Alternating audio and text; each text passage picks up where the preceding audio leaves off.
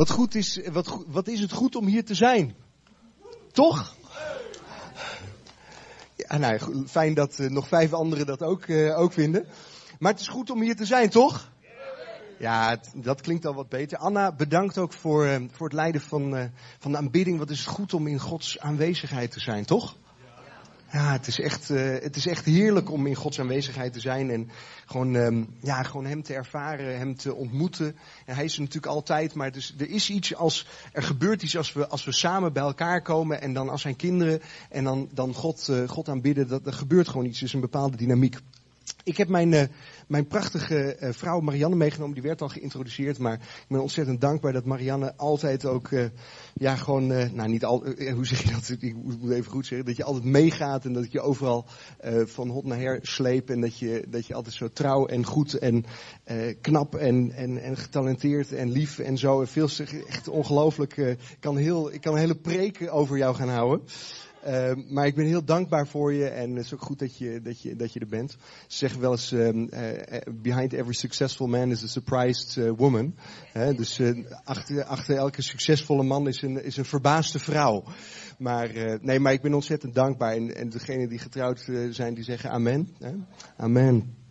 Uh, uh, ik kom inderdaad hier uh, om, vanochtend iets te delen, om mijn hart te delen met jullie, maar ook um, ja, vanuit de organisatie van ik, uh, waar ik kom, Teen Challenge, ik ook delen dat, um, ja, wat, wat God allemaal aan het doen is. Hebben jullie wel eens gehoord van Teen Challenge? Een paar mensen, misschien heb je wel eens gehoord van David Wilkerson. Wel eens gehoord van, oké, wat meer mensen van David Wilkerson. Kruis in de Asphalt Jungle, dat boek van vroeger. Die koffiebars van, van de 70, 80 jaren. Uh, nou ja, het is de, inderdaad, we zijn er nog steeds. Sterker nog, we bestaan dit jaar 45 jaar in Nederland.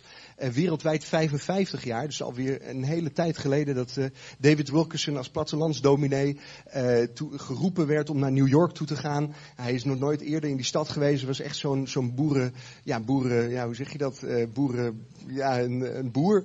Uh, en uh, hij ging naar de, de, stad in en voor gevaar voor eigen leven als, als, als blanke man met stropdas en, en pak uh, ging, hij, uh, ging hij de wijken in waar hij beter niet naartoe kon gaan als blanke man.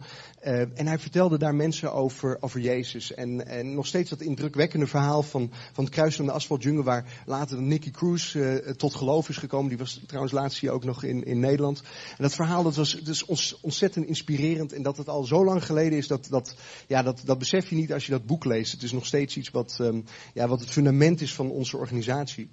Um, maar het is een tijdje lang, misschien, ja, ik heb zelfs wat mensen die, Teach Haarlem, waar zijn jullie ook alweer? De Teach Haarlemmers daar, kijk, hallo. Uh, Teach Haarlemmers, goeiedag, hallo. Ja. En het is, uh, het is een tijdje stil geweest bij Teen Challenge, kan je wel, kan je wel zeggen. Want uh, ja, we bestaan wel in 106 landen en, en zelfs in China is een Teen Challenge.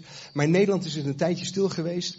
Um, en dat heeft, heeft eigenlijk ermee te maken dat, um, ja, dat, dat, dat in de negentiger jaren er steeds meer centra gingen stoppen. Ik ben onwijs aan het rondzingen. Moet ik ergens niet of wel gaan lopen? Nee, het gaat goed. Gaat beter, hè? Zo? Alright.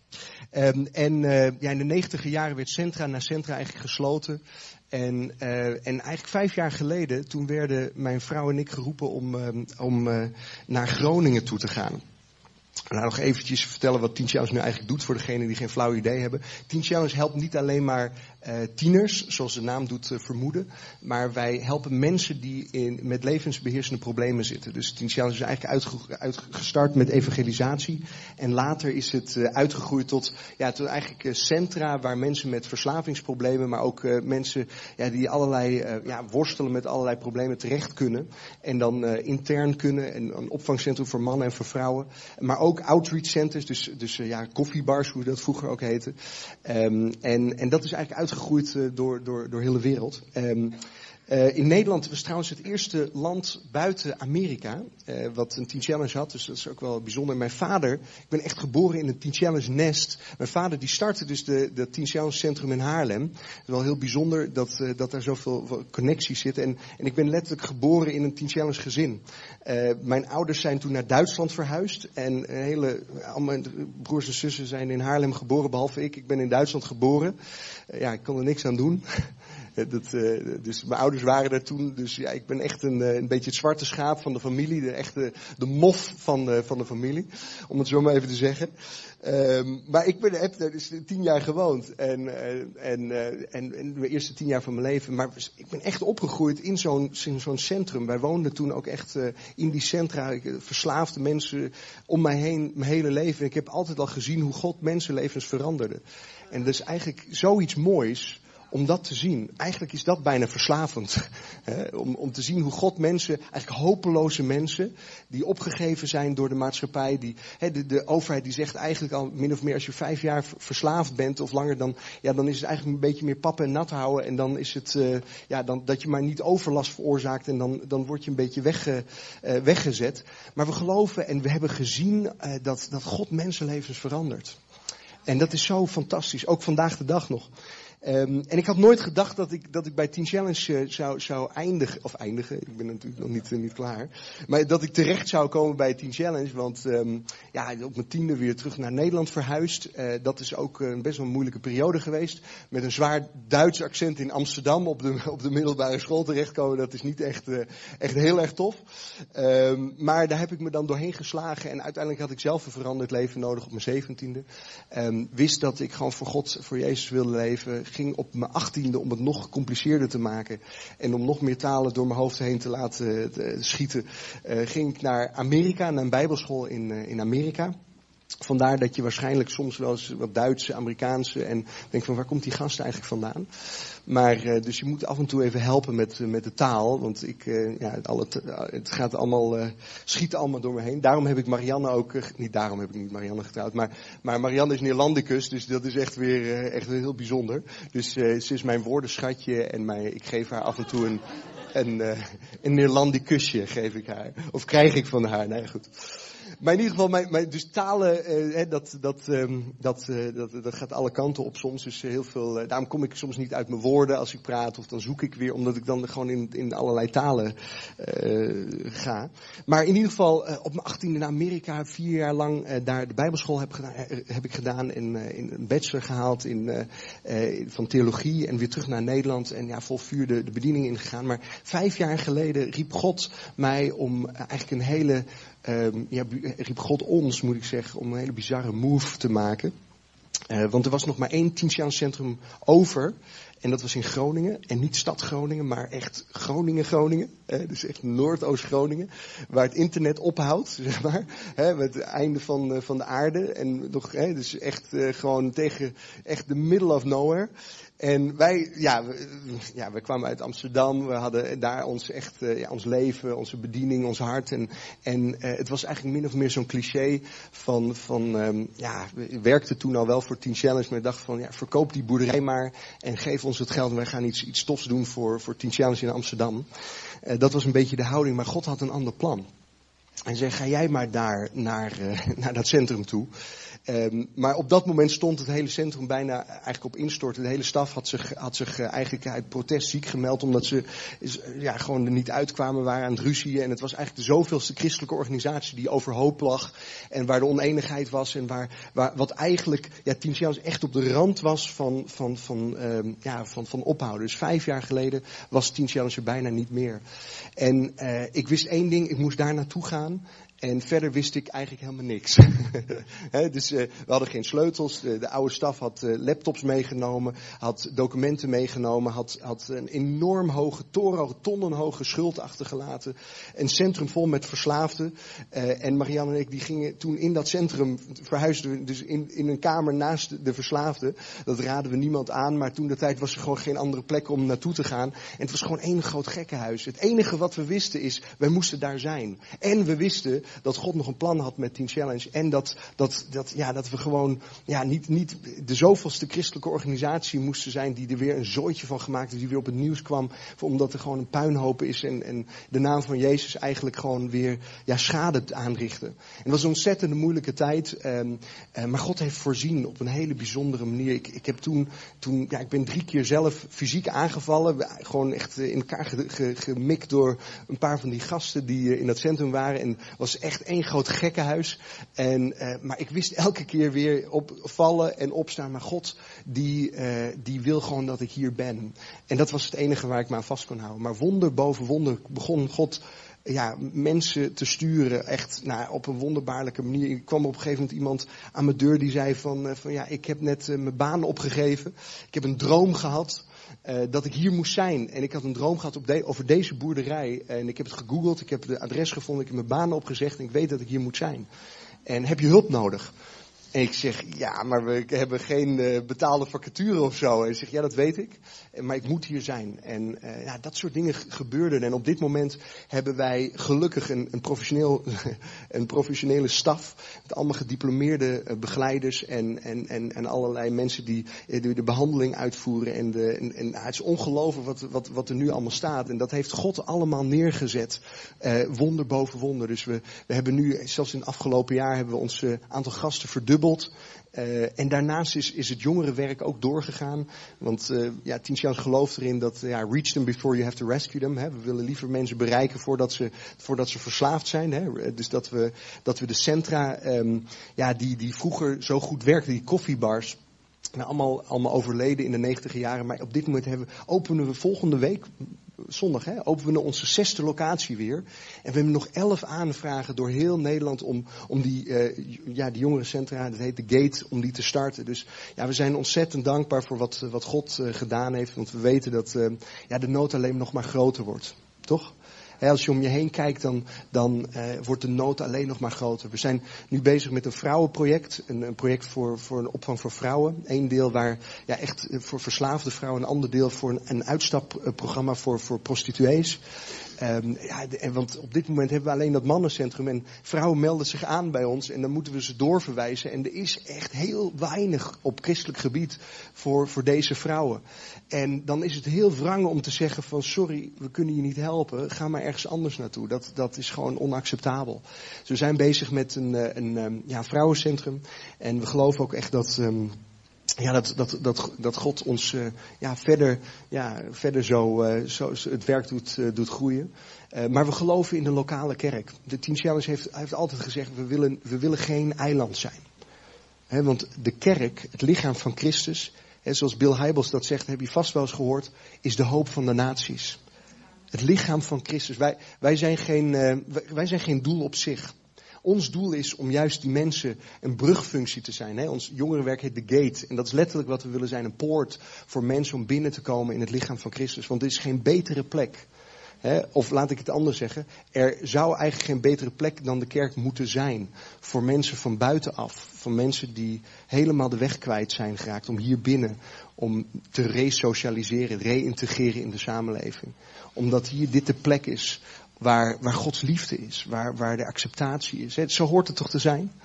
Dus we geloven in de loka lokale kerk. We geloven dat, uh, ja, dat, dat, uh, dat de gemeente ook een roeping heeft. En daarom denk ik ook, ook dat, dat God een plan met jullie heeft hier in Zutphen. Jullie zijn hier niet voor niks. God heeft een plan met jullie persoonlijk, met jullie als gemeente, als lichaam. Hij heeft, eh, waar je ook bent, wat, wat voor baan je ook hebt, of je student bent, of je, je zit nog uh, op, de, op de middelbare school of de lagere school, waar, waar, je ook zit. God heeft een plan met je. Zelfs als je werkeloos bent, zelfs als je denkt van wat doe ik nou eigenlijk, of welke, God heeft een plan met je. Het is geen, het is geen fout die God maar heeft. Hij heeft je geplaatst op een strategische plek om zijn ambassadeur te zijn, om een licht te zijn voor hem. Amen. En weet je wat, soms denken we wel eens van, van dan, en dat is goed, we moeten bidden voor de mensen om ons heen. We moeten bidden voor, voor mensen die, uh, die, ja, die, die het moeilijk hebben. En we moeten bidden voor, voor, uh, ja, gewoon voor, voor onze naasten. Maar, maar vaak is het zo dat wij het antwoord zijn op dat gebed. Weet je dat? Als God een, een, een hart geeft voor, als, als je langs een zwerver loopt of als, als je langs uh, iemand loopt en, denkt van, en, je krijgt een bewogenheid. Vaak is dat dan omdat God je geroepen heeft om daar een verschil in te maken. Weet je dat? En dat is, dat, dat geloof ik met heel mijn hart, dat, dat, dat eigenlijk nu ook in deze tijd, en er gebeurt heel wat in Nederland, de zorgwereld die staat helemaal op zijn kop. Uh, de, de, de overheid die zegt heel mooi van we moeten weer een civil society worden. We moeten weer een burgermaatschappij worden. We moeten weer uh, een maatschappij worden waar we weer voor elkaar gaan zorgen. Waar, waar, waar mensen weer voor, uh, voor, voor de ouderen gaan zorgen. Voor de eenzamen, voor, voor elkaar. En, en uh, die, die zorgstaat die we hebben gecreëerd, dat kunnen we eigenlijk niet meer betalen. En het bijzondere is dat, dat, dat, als je terugkijkt naar de geschiedenis, is dat precies wat de kerk altijd deed. Was het toen een utopisch iets, 100, 150 jaar geleden? Nee, de kerk was toen echt ook vol met allerlei uitdagingen en fouten. Maar 100, 150 jaar geleden, toen had de kerk scholen, universiteiten. Had allerlei zorginstellingen, zorgde voor de weduwe, de wezen. De kerk was op, op de frontlinies van, van de maatschappij. Als, er was een tijd waar, waar als je als zwerver of als een dakloze of van waar moest je naartoe? Je moest naar de kerk toe. En lieve mensen, die tijd, die zit er nu weer aan te komen. En dit is een kans, een window of opportunity voor de kerk van Jezus Christus. Want wat er gebeurt is, we, we, we hebben ons, ja eigenlijk, uh, het, het allemaal is, is te theoretisch geworden. We, we, hebben het over de liefde van Jezus, maar, maar we moeten het niet alleen hebben over de liefde van Jezus. We moeten de liefde van Jezus uitdragen. We moeten de liefde van Jezus zijn voor elkaar. En en, en dat, is, dat is nu weer een kans. Er is nu weer een mogelijkheid om te kijken van, van wat kunnen wij betekenen voor onze naasten, voor de persoon naast ons. Soms letterlijk hier naast je, maar, maar ook de mensen om je heen, je buren. Want er is zo'n enorme nood. Eh, en die nood wordt alleen maar, echt alleen maar groter. En jullie hebben dat misschien wel eens van, van, van Christian of een van jullie leiders gehoord dat de kerk geen, geen country club is. Hè? We zijn geen club. Een club bestaat er voor zijn leden. Als je een voetbalclub hebt, dan, dan, ja, dan, uh, dan, dan zorgt die club ervoor dat je lekker kan voetballen. En een club die behartigt de belangen van de leden. Maar lieve mensen, wij zijn geen, wij zijn geen club met elkaar. We zijn meer een ziekenhuis. Toch? Een ziekenhuis wat open staat. Voor mensen in nood. En het zou toch gek zijn als, uh, als een, uh, een ziekenhuis, als je dan binnenkomt met een gebroken arm en uh, je komt daar binnen en, je belt aan en zegt, ja sorry, kom morgen maar, want we zijn even als chirurgen lekker aan het, aan het golfen. en, of we zijn even een goede film aan het kijken, of we zijn ons even aan het vermaken. Het zou toch heel raar zijn als de, de doktoren met zichzelf bezig zouden zijn en, en, en met gewoon dat het hele ziekenhuis ingericht zou zijn als, als een plek wat, wat heel erg relaxed zou zijn voor, voor de medewerkers. Dus dat zou toch raar zijn? Een ziekenhuis is ingericht voor de patiënten. Voor de mensen die, die daar komen. Die nood hebben, die, die, die hulp nodig hebben. En zo zou het ook moeten zijn voor, voor ons. Wij zijn, wij zijn ambassadeurs van Christus. En niet alleen maar op zondagochtend. We moeten ons afvragen van wat heeft Zutphen eraan dat wij hier op zondagochtend bij elkaar komen? Wat heeft Zutphen daar nou aan? ik, ik, ik, ik ben helemaal voor zondagochtenddiensten voor een eredienst, dat vind ik goed, dat moeten we vooral doen. Maar wat heeft Zutphen eraan dat wij als lichaam van Christus hier zijn? Nou weet ik niet, ik heb niet, ik heb niet gegoogeld, wat je, misschien doen jullie allemaal wel schitterende, schitterende dingen. Maar God vraagt in deze tijd dat, dat we uitstappen. Dat we het niet meer alleen maar hebben over, over de liefde van Jezus, maar dat wij de liefde van Jezus uit gaan dragen. En dat, dat geloof ik met heel mijn hart. En um, ja, dat is, dat, is, dat is gewoon ook mijn passie. En ik wil het vandaag hebben over, um, over een heel bekend uh, boek in de Bijbel. Um, als je opgegroeid bent in de kerk of als je uh, zondagschool hebt gehad, dan heb je um, waarschijnlijk heel vaak al de verhalen voorbij zien komen. Als je nog niet zo lang christen bent, misschien iets, iets minder uh, bekend. Maar ik wil het hebben over, over het boek Daniel, eigenlijk over de persoon Daniel.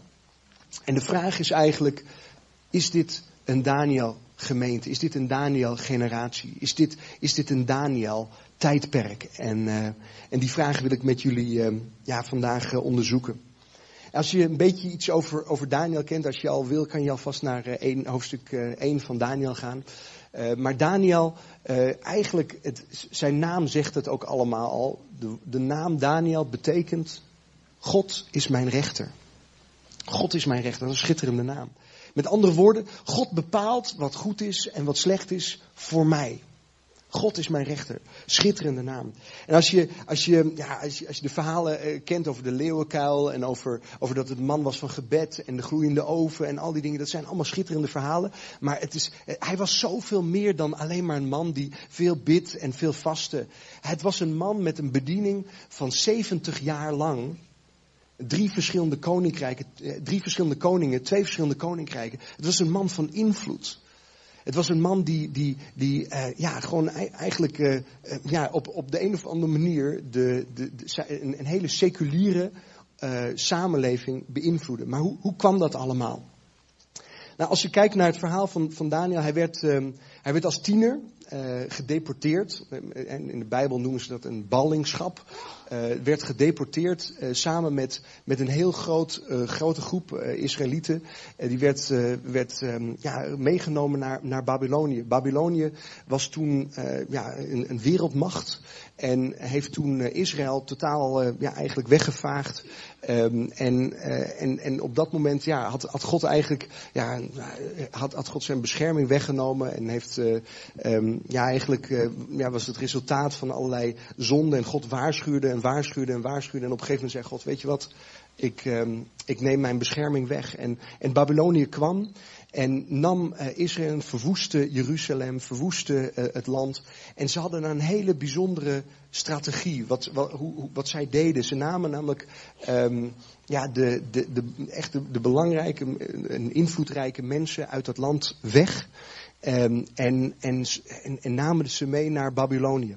En het doel daarmee was, het was een, echt een, een, geniale strategie, uh, om, om mensen uit, uit hun cultuur te nemen en eigenlijk ze volledig met een beetje een mooi uh, woord te assimileren in, in de cultuur van Babylonië.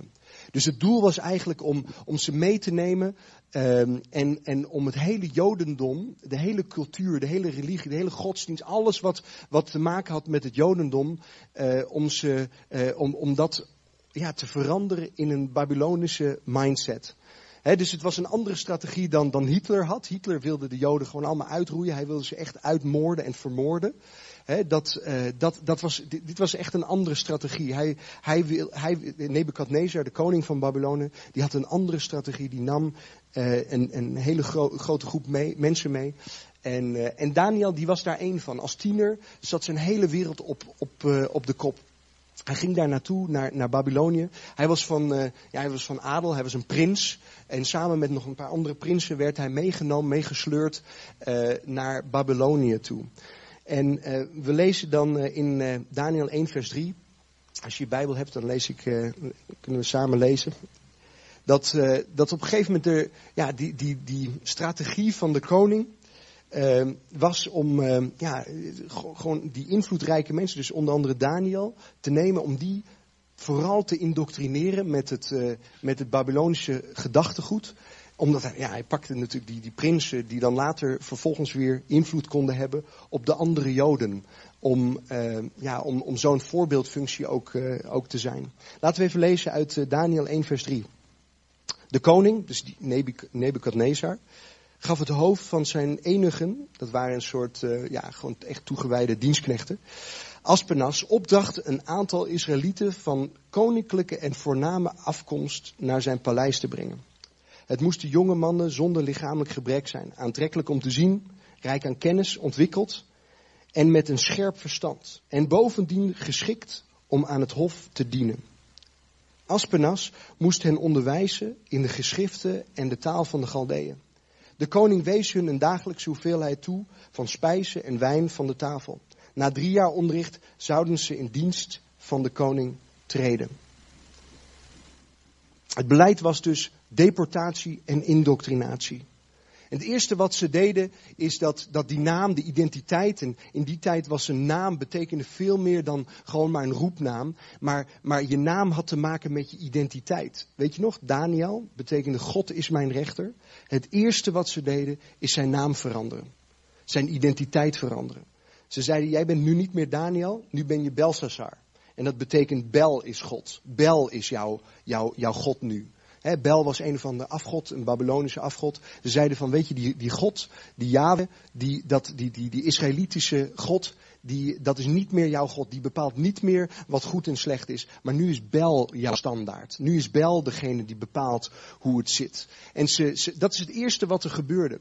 En eigenlijk alles wat, ja, wat God hun op had gedragen en allerlei dingen, de, de gebruiken en, en, en werd totaal veranderd. En hun hele, uh, hele wereld werd op zijn kop ge, gezet. En ja, zoals ik al zei, lezen we later eigenlijk door de verhalen heen dat hij, dat hij in plaats van, van zo beïnvloed werd, dat hij alleen maar ja, beïnvloedde. En hoe kon dat nou dat hij 70 jaar lang, ik zei het net al, 70 jaar lang op een hoog niveau beleid bepaalde. Dat een paar hoofdstukken verder, dat die Nebukadnezar zegt, die, die Yahweh, die God van jou, dat is de enige echte ware God. Hoe komt dat nou, dat, dat, dat in plaats van ja, beïnvloeden, dat, dat hij op een plek kwam waar die een invloed was?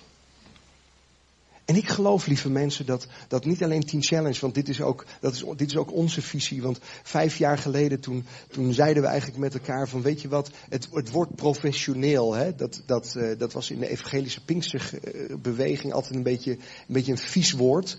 En dat had ook een reden, want heel veel organisaties, heel veel christelijke organisaties, die werden zo professioneel dat je niet meer over Jezus kon, kon hè, dan mocht je niet meer bidden met, met mensen, mocht je niet meer bidden in de instellingen. En, en dus ze werden zo professioneel professioneel dat Jezus eruit geprofessionaliseerd werd. Maar, maar, maar weet je, wij zijn geroepen om, om wel gewoon een hoge standaard te hebben. En, en als dat professioneel betekent dat wij een hoge standaard hebben, misschien wel hoger dan de wereld, dat wij een professionele, dat we onze zaakjes op orde hebben, en en, en dat, dat was de visie. En dat hadden we toen lang nog niet. Maar, maar ik wist één ding. We moeten een professionele organisatie worden. Zonder compromis te sluiten dat, dat, dat we Jezus eruit professionaliseren. Dus met andere woorden, we gaan ons alles geven. We gaan psychologen en, en begeleiders en de, de best opgeleide mensen, die willen we aantrekken. En die willen we, maar we willen geen enkel compromis sluiten. Geen enkel compromis sluiten. Wat betreft ons geloof. En lieve mensen, dat was, dat was een Daniel. Daniel.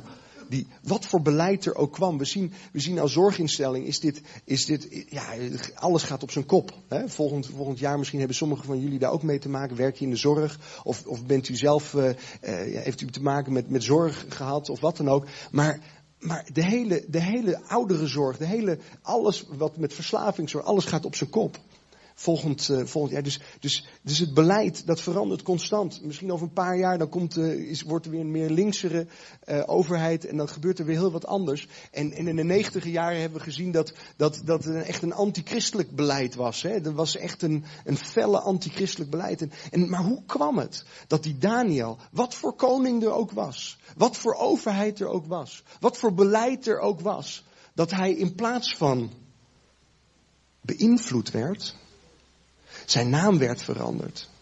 Alles werd hem. Hoe komt dat dan? Dat wil ik weten. Wilt u dit ook weten?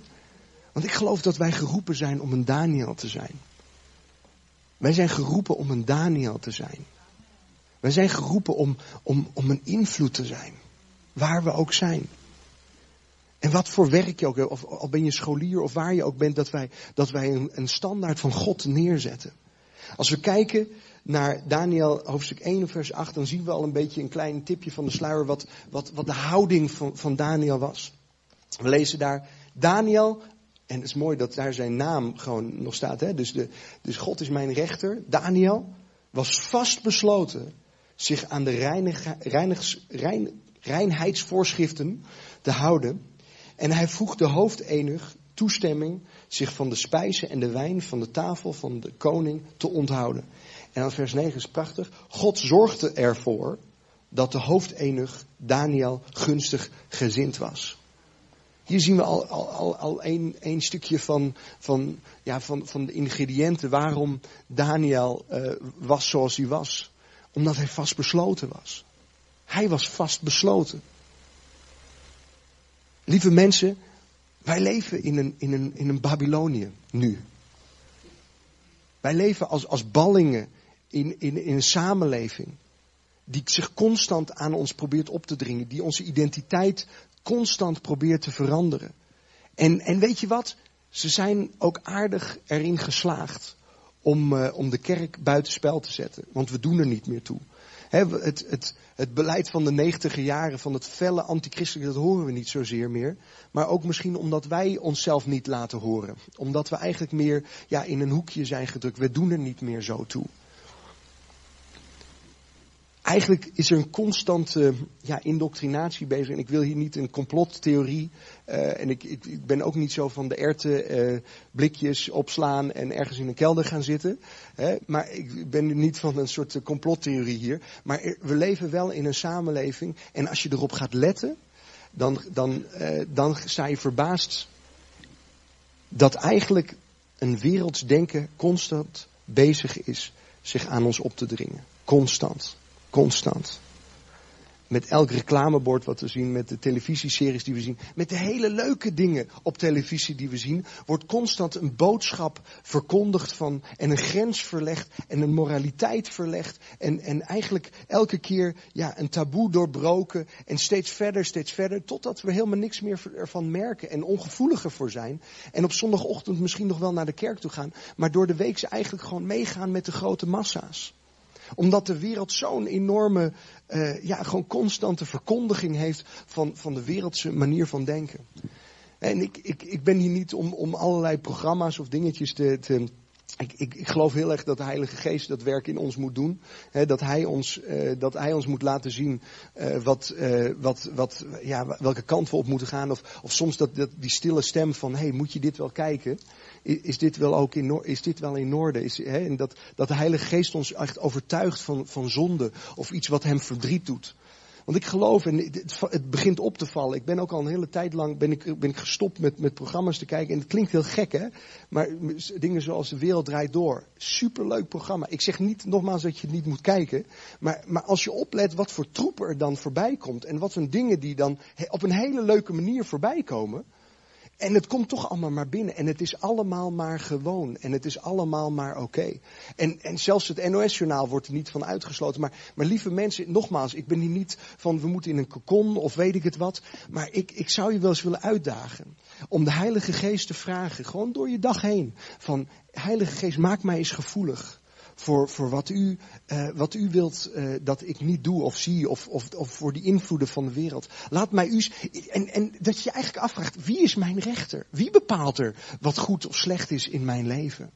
En lieve mensen, we leven in zo'n, in zo'n bizarre tijd. Dat het constant, elke, elke ja, commercial, alles, koop mij, doe dit, doe dat. Als je dit niet hebt, dan ben je niet dat. Als je dit, hè, het is een constant opdringen van, van de wereld. Maar Daniel, die was vastbesloten. En het mooie was dat God ervoor zorgde. Is dat niet schitterend? Daniel was God vastbesloten, maar God die zorgde ervoor.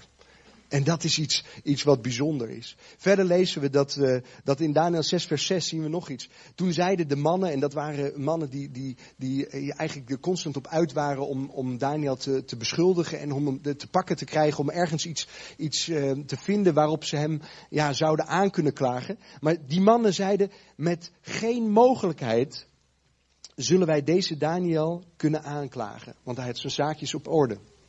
Hoge standaard professioneel, hoe je het ook wil noemen. Tenzij we iets zoeken dat verband houdt met de wet van zijn God. Wat een getuigenis. Zou u niet zo bekend willen staan? Zou jij niet zo bekend willen staan? Dat, dat er niks op je op aan te merken is. Dat er gewoon, als, als je in, in jouw straat, dat jij degene bent waar mensen naartoe gaan als er problemen zijn. Dat ze weten dat, je, dat, je, dat ze bij je terecht kunnen als er nood is. Dat ze weten dat jij een, een antwoord hebt, dat je tijd voor ze maakt. Wat voor, wat voor tijdstip het ook is. Dat er eigenlijk gewoon, dat er niks aan te merken is, behalve dan ons geloof. Dat is wat ze van Daniel zeiden.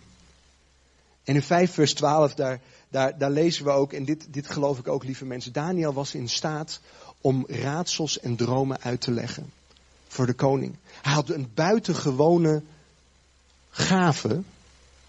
Hij, hij had de Heilige Geest om dingen uit te leggen in, in die tijd. Laten we het even lezen in, in 5 vers 12. Daar staat deze Daniel, die door de koning Belshazzar werd genoemd, beschikt over een buitengewone begaafdheid en over kennis en verstand, waardoor hij dromen kan uitleggen, raadsels kan oplossen en knopen ontwarren. Ontbied daarom Daniel, hij zal u vertellen wat er staat. Daniel had de Heilige Geest. Daniel was in staat om, om de problemen van, van waar de overheid op dat moment, even maar in onze taal te zeggen, waar ze mee zaten, om die op te lossen. De koning die, die, had, uh, die had allerlei, uh, die had een dromen, de verwarring was er en hij wist niet wat hij er aan, mee aan moest. En Daniel was in staat om te ontknopen wat hij bedoelde. Lieve mensen, wij zijn geroepen om, om, om een Daniel te zijn. Om de raadsels, gewoon de dingen, die, die mysteries, de dingen. Wij hebben het antwoord, lieve mensen, op de vragen van vandaag. En misschien denk je wel van, wacht even, maar ik worstel zelf nog met allerlei dingen en dat is oké. Het is oké. Maar ik geloof wel dat wij geroepen zijn om een Daniel te zijn. We zijn net als dat kleine overblijfsel. Er is altijd een overblijfsel, een gelovig overblijfsel, zoals ze dat noemen, een remnant in het Engels.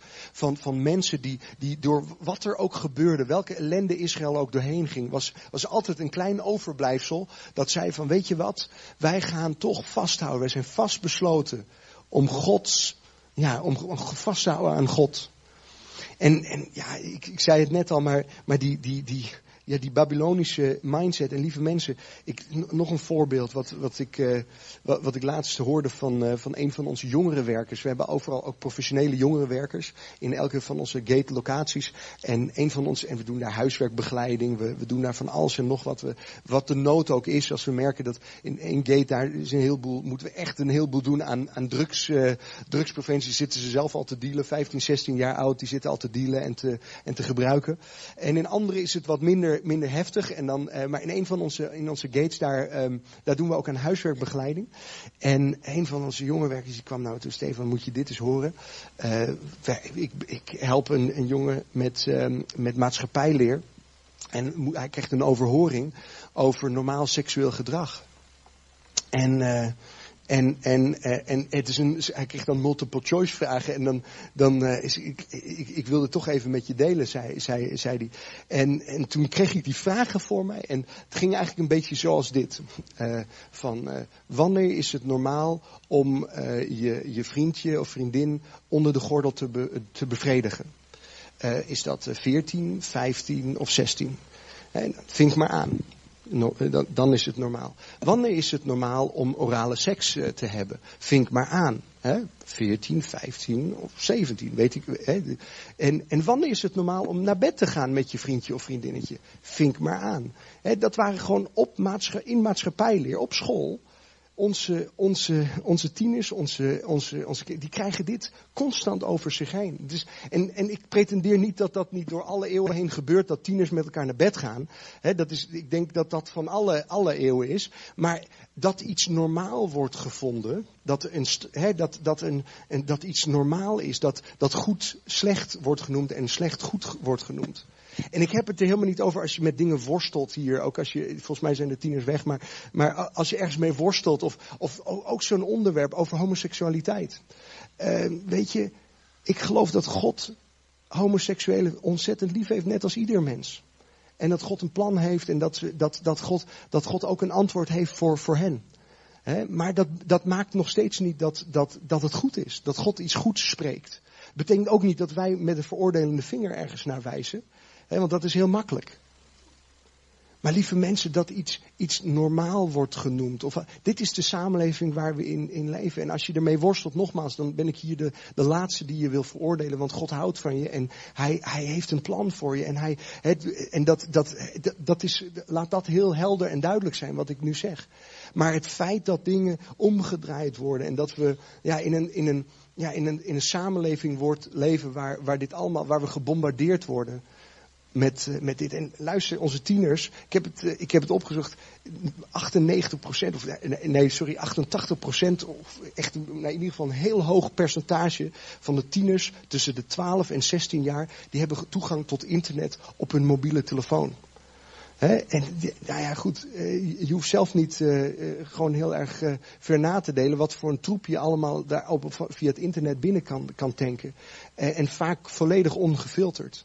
David Wilkerson had in de 70 jaren een visioen waar eigenlijk zo'n soort rioolbuis uh, de alle, alle huiskamers binnen zou komen. En hij dacht toen de tijd dat dat een soort kabeltelevisie was. Maar nu wordt het niet, is die rioolbuis gewoon, is mobiel. We kunnen gewoon porno uh, op, de, op mobiels kijken. Het is overal toegankelijk, lieve mensen. En het is tijd om stand te houden in zo'n samenleving. Om dat ook te beseffen, om uit een slaap te ontwaken. En te beseffen, hé, wacht eventjes. We zijn hier met een stroom aan het meegesleurd aan het worden. En waar gaat dit naartoe? Lieve mensen, het leidt allemaal tot een diepe, diepe, diepe afgrond en uiteindelijk de duisternis en de dood. Het is dus tijd om stand te houden en een Daniel te zijn in deze generatie.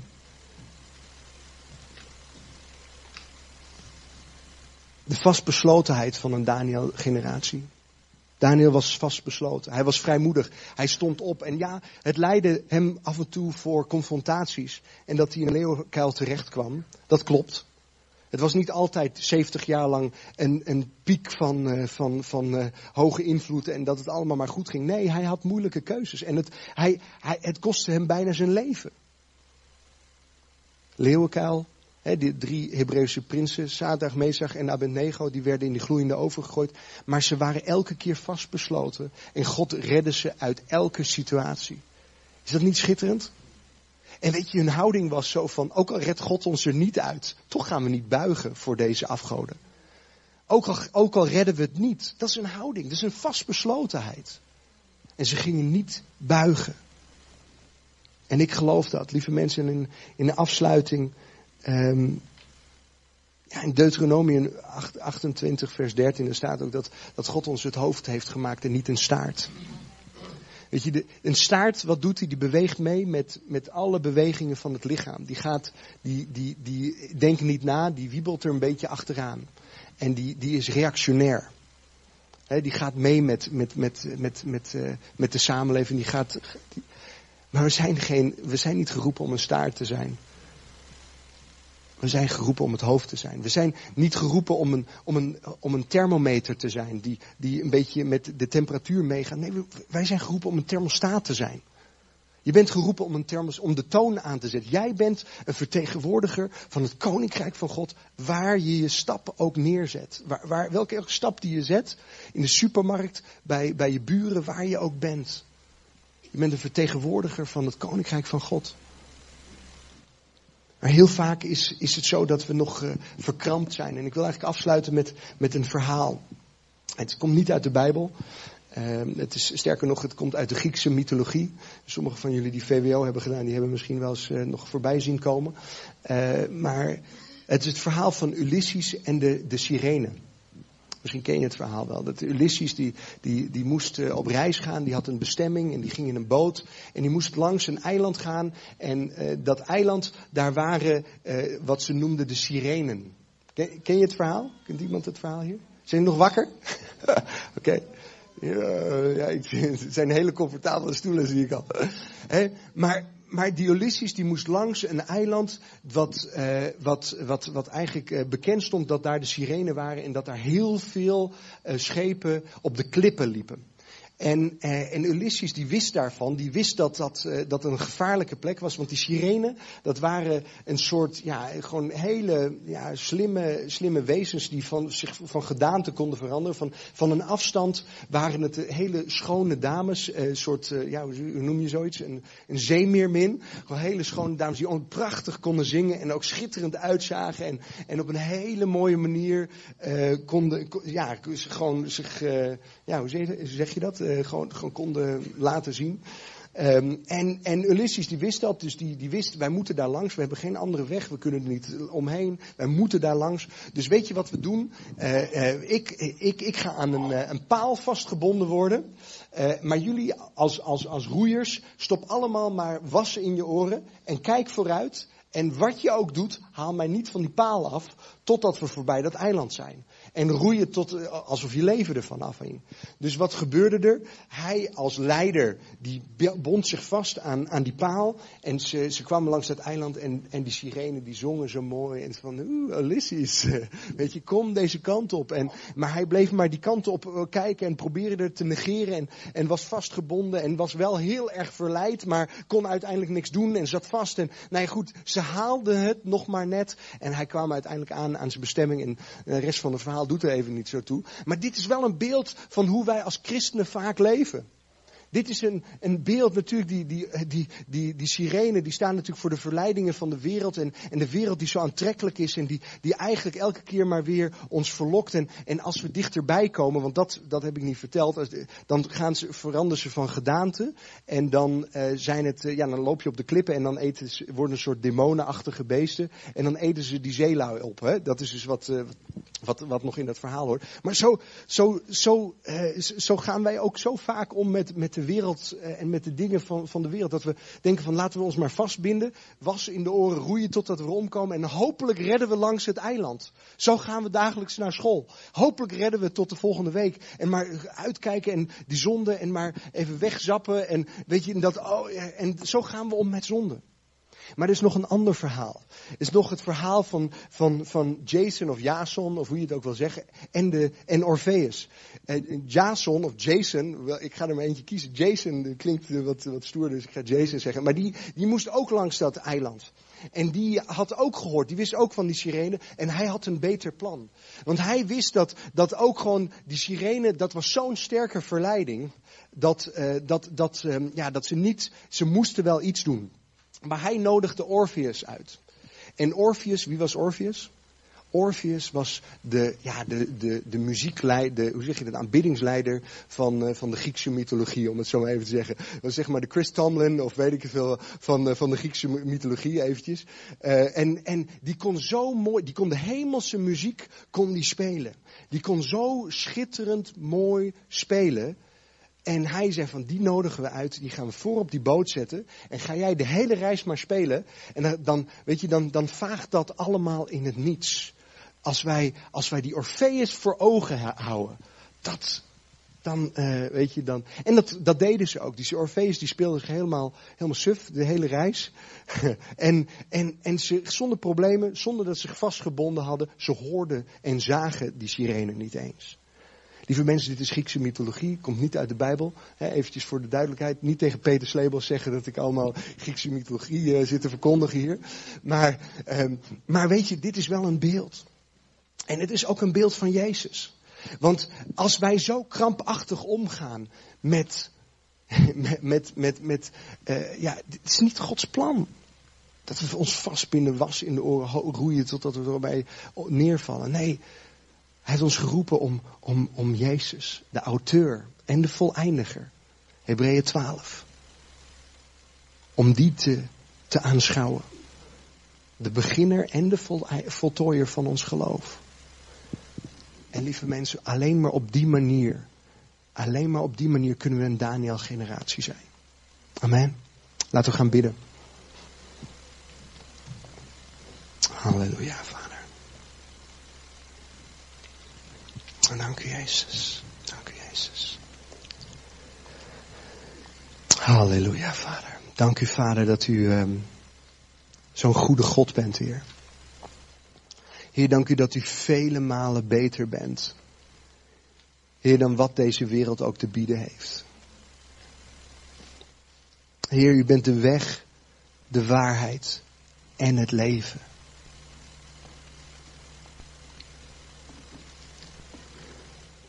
Heer,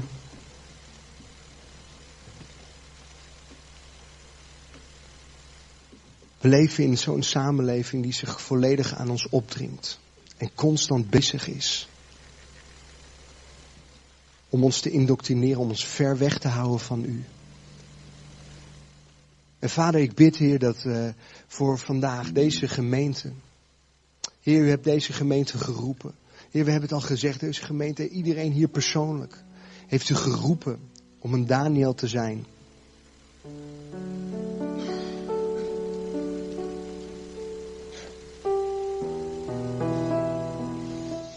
En vader, ik bid op dit moment dat uw Heilige Geest, Heer, Heer, niet op een hele krampachtige manier, niet in, niet in het oude verbond van dit mag wel, dit mag niet en, en zo moet je leven of anders gebeurt dat. Nee, maar Heer, dat, dat uw Heilige Geest, die beloofd heeft, dat, dat uw wet op onze harten geschreven wordt. Heer, dat die neerdaalt. Heer, en dat, dat u, ja, dat u in ons leven toegelaten wordt, in onze gemeentes, in onze gezinnen toegelaten wordt. En dat u onze rechter wordt. Dat u weer opnieuw gaat bepalen wat goed en slecht is. Heer, in ons leven. En Heer, ik wil bidden voor mensen. Heer, die, die, ik weet dat uw Heilige Geest bezig is. Ik weet dat uw Heilige Geest hier mensen, ja, tot mensen spreekt vanochtend.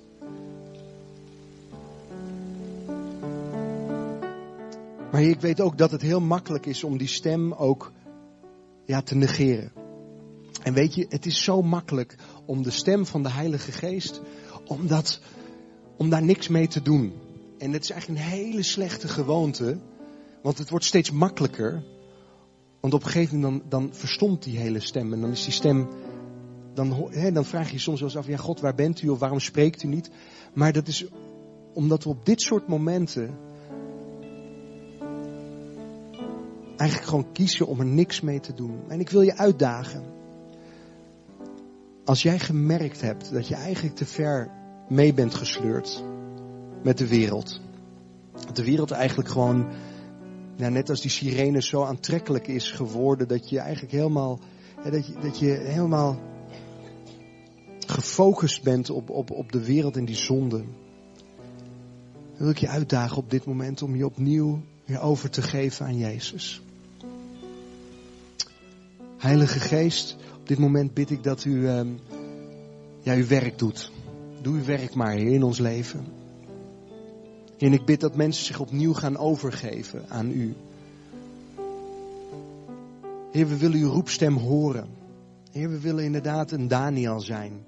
We willen inderdaad een, een invloed zijn, maar dat kan niet, Heer, als u niet onze nummer één bent. Als u niet voor op die boot zit en de koers bepaalt van ons leven. En ik bid voor mensen dat ze een vastbesloten keuze gaan maken, Heer. Een vastbesloten keuze. En als jij dat bent, dan, dan we gaan, uh, ja, ik, ik, als je later ook voor gebed wil komen, is dat oké. maar ik geloof wel dat je, dat je op dit moment gewoon dat kenbaar moet maken. Dat je gewoon je handen omhoog, dat je je uitstrekt naar God. En dat je, het is niet voor mij niet om, om dingen te tellen, maar dat je gewoon uitstrekt van God, hier ben ik. Heer, en, en ik, ik, ik wil weer terug bij u komen. ze hebben geprobeerd mijn naam te veranderen. Ik ben eigenlijk iets geworden wat ik niet wil zijn. Ik ben eigenlijk iets ge, ja, gewoon langzaam sluimerend ben ik die kikker die langzaam in die, die, die kokende pot zit. En, en Heer, ik, ik, uh, maar ik wil weer gewoon bij u horen. Dan wil ik je vragen om je hand op te steken en je uit te strekken naar Hem. Halleluja, Vader. Heer Jezus. Heer Jezus. Halleluja, Vader. Dank u, Jezus. Dank u, Jezus. Dank u, Jezus. Dank u, Jezus. Halleluja, Vader. Dank u, Jezus. En sommigen van jullie moeten echt een vastbesloten, vastbesloten keuze maken voor de dingen die, die nu in je opkomen. Van ja, nu, misschien moet je dingen laten liggen. Ik heb het zelf een paar weken geleden ook, ik moest mijn mobiele telefoon niet meer naast me op mijn nachtkastje leggen. Ik was constant bezig met e-mails en allerlei dingen. En ik moest die keuze maken om gewoon, om gewoon die telefoon in de huiskamer te laten opladen en mijn tijd weer met God eh, te, te brengen voordat ik ga slapen, voordat ik, nadat ik wakker word, dat ik eerst met God bezig ben. Dat is een keuze die ik moest maken.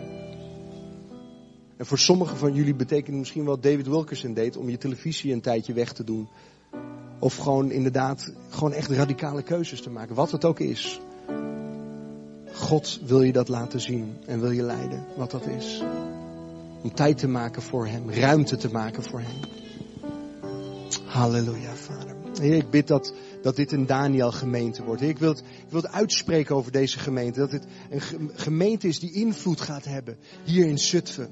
Vader, dat, dat, uh, dat in onderwijs en in, in overheid, maar ook in hele praktische dingen bij aannemers en bij, bij, bij hele ja, gemeentelijke werkzaamheden en in scholen en waar dan ook, zelfs de werkeloze mensen, Heer, dat, dat daar gewoon invloed gaat komen in de samenleving, Heer. Wat er ook nodig is, Heer, dat, dat mensen kunnen weten, ik kan bij Leef Zutphen terecht. Heer, ik wil deze gemeente zo zegenen in de naam van Jezus. Ik dank u voor wat, wat u gaat doen, Heer Jezus. Heer, en ik, ik wil bidden, Heer, dat ze geen zaal groot genoeg gaan vinden, Heer. Heer, voor de mensen die u hen gaat sturen. Dat er geen zaal groot genoeg wordt voor, voor de mensen die, die gaan komen omdat ze nood hebben, omdat ze hulp nodig hebben. Ik zegen de gemeente zo in Jezus' naam. Dank u, Jezus. Halleluja.